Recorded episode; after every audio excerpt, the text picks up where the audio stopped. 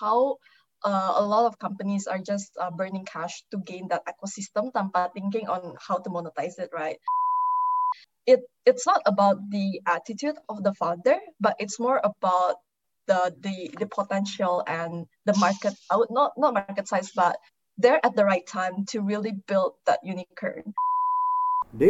Social Podcast.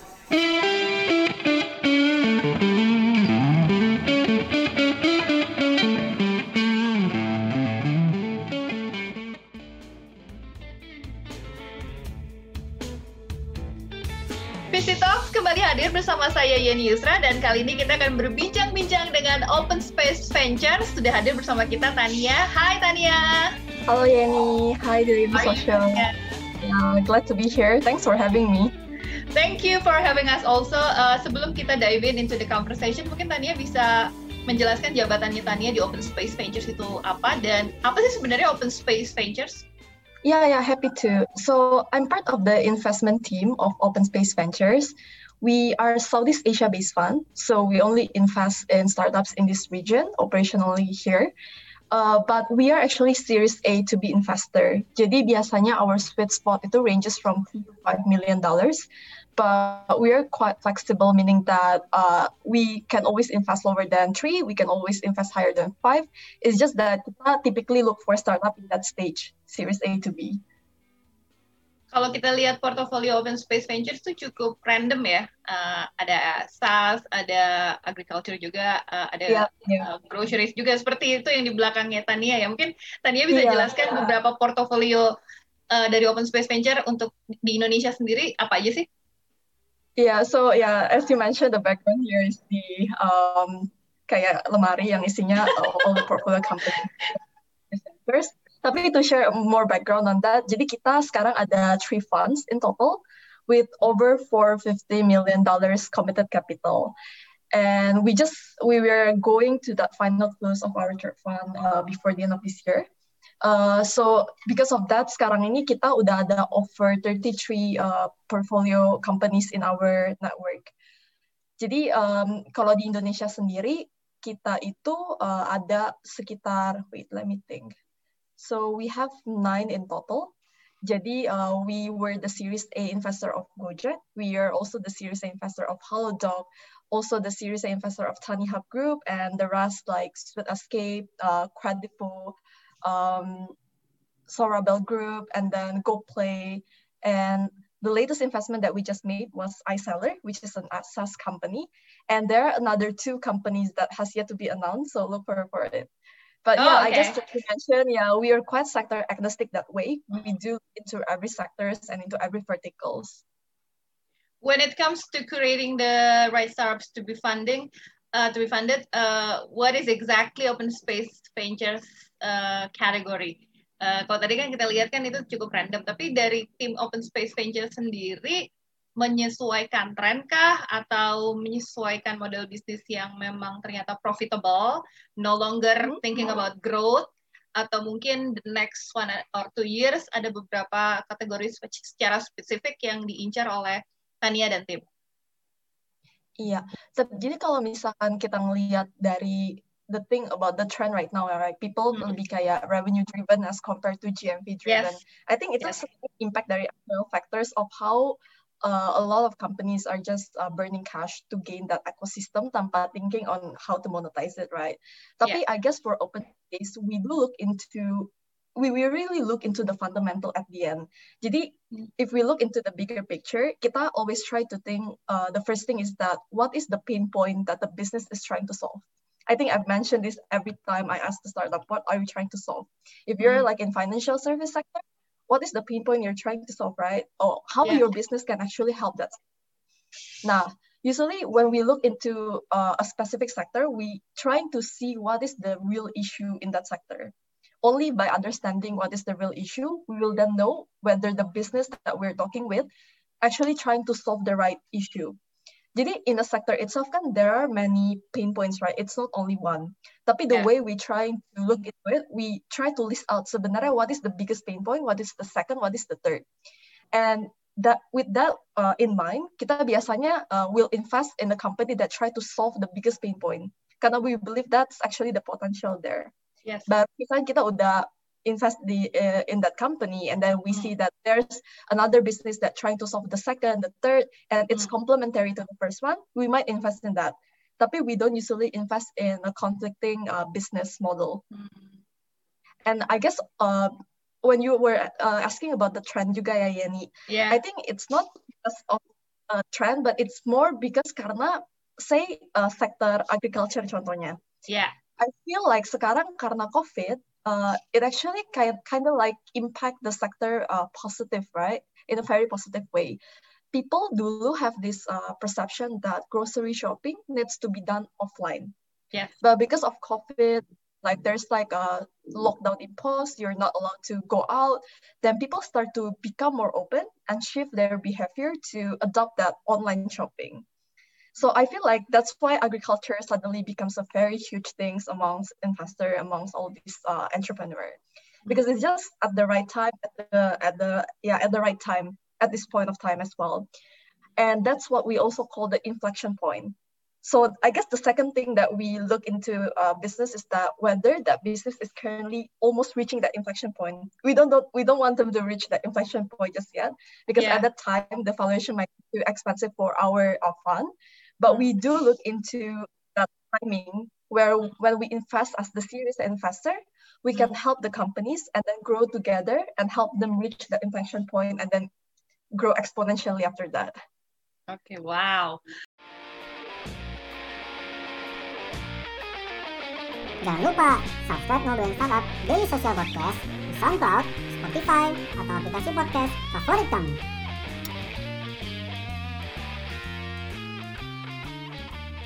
So uh, when it comes to the development of uh, Indonesian startups founders in Indonesia right now, do you see Indonesian startup founder more mature now uh, comparing to uh, probably three or four years ago? And compared to uh, other startup founders outside Indonesia, how do you see the similarity or the biggest, uh, you know, the biggest thing that that differentiates between Indonesian founder and outside startup founder from Indonesia, outside Indonesia? Yeah, okay. On that one, I feel actually three to four years ago, uh, like there like there are four unicorns in Indonesia right now, right? Yeah. And they were actually born uh, over four years ago. So I would have to say that it it's not about the attitude of the founder, but it's more about the the the potential and the market. I would not not market size, but they're at the right time to really build that unicorn. Right mm. now, it's quite fragmented in a way that if you want to become unicorn, you want to scale, you have to have a, another creative way to achieve it. You need to have extra perseverance. You need mm. to be more tenacious. All, all, mm. all those kind of factors that mm. uh, in the past you might not need it that much because the market is just there. Competition is not as crowded as today. But mm. today, you actually need to be, you need to actually have extra grit, in my opinion.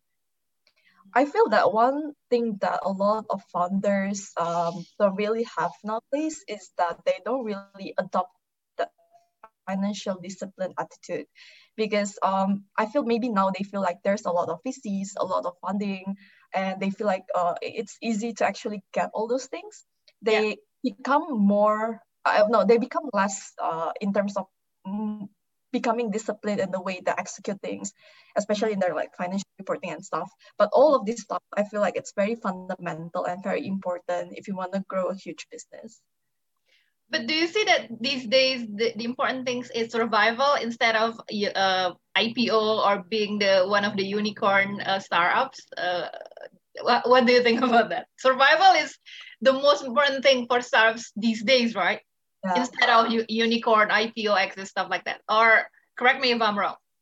Mm, I think it comes back down to the state of capital market in Indonesia. There's okay. a, there's a reason why it's just hard to uh, become listed in the country, and not yeah. only that, it's hard. It's just that the capital market itself is not as mature as the developed country, mm. and this is the reason a lot of companies are trying to get not not companies in Indonesia, but companies in China even got listed in United States, right? It's just because the capital market is very mature there. Um, if we're talking about exit in Indonesia, it's a bit tricky, but it really comes back down to the state of the company. Like I would say the unicorns right now, they are aiming to become listed. because it's just the way to go. You want to become listed because uh, you want to grow even further, and that's only possible if you're like a public company. There's so much you can achieve with becoming a private companies. But I guess for the early stage investors, we also have secondary as our way of exit, right? So it really comes back down to uh, the state of the company and essentially what the company aims to do. At the end of the, at the end of the day, if the company can actually get acquired by another huge company and then create an even more big um, ecosystem, I feel that it's a good exit as well. Oh, okay. So uh, you've talked a lot about open space ventures and what is what, what kind of startup that you are targeting. What does it take for startup founders to get noticed from Tania and also open space, uh, open space ventures? Does it have to be a good, complete pack of pitch deck or a good presentation or a good uh, online presence or offline presence? What does it take for them to get noticed from Tania?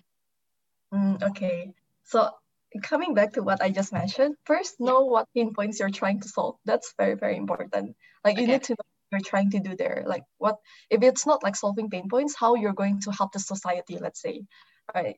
A lot of founders uh, don't really know how to explain this because i feel they very focus on say giving up market size. But market size is always huge right? It's not always size. And at the end of the day there's also this component called that obtainable market and okay. this obtainable market, they give out number, but I feel a lot of founders underestimate the execution risk. I feel right. they, they can talk numbers, but it's, uh, when, when it comes to uh, execution, so, such a low effort, right? Uh, yeah, because they they aim they want to aim high, which is fine. That okay. that's the thing about startup, right? Like higher risk, higher return. But a lot of i feel like I, I actually prefer if the founders really understand their go-to-market strategy and okay. really really have that plan uh, well planned out um, execution on really mm-hmm. how to achieve that attainable market mm. last but not yeah. least uh, open space ventures is one of the startups that are not postponed uh, its investment uh, plan right you're still looking for startup you're still planning on uh, you know give funding to startups? Or yeah. do you see next year will be more funding that you will announce or just two at the moment until next year? No no actually it's the right timing. We just uh, as mentioned we just uh, got our third fund right? Uh, okay. of 200 million uh, committed capital. So that gives us uh, extra firepower to invest during this period of time. So we're looking uh, as mentioned, we, we have another two yeah, to be announced uh, by the end of this year. Yes. So we're looking to invest more in Indonesia and other uh, region as well. Okay, thank you, Tania, for your time. Hopefully, you can give a daily social uh, information about the uh, upcoming funding, right? Uh, hopefully by the end of this year, right? Yep, yep, we'll do for sure. Indonesian Thanks, uh, startup. Indonesian again. Indonesian startup. Yeah, Indonesia. Yay! okay. Can't wait for the press release to be uh, for, yeah, uh, for Daily Social. Okay. Thank you, Tania. And uh, hopefully you, you have a good day for uh, working from home still, yeah, for Open Space Ventures. Okay, I'm looking forward uh, for funding news from Open Space Ventures. Thank you. Bye-bye. Thank you. Bye.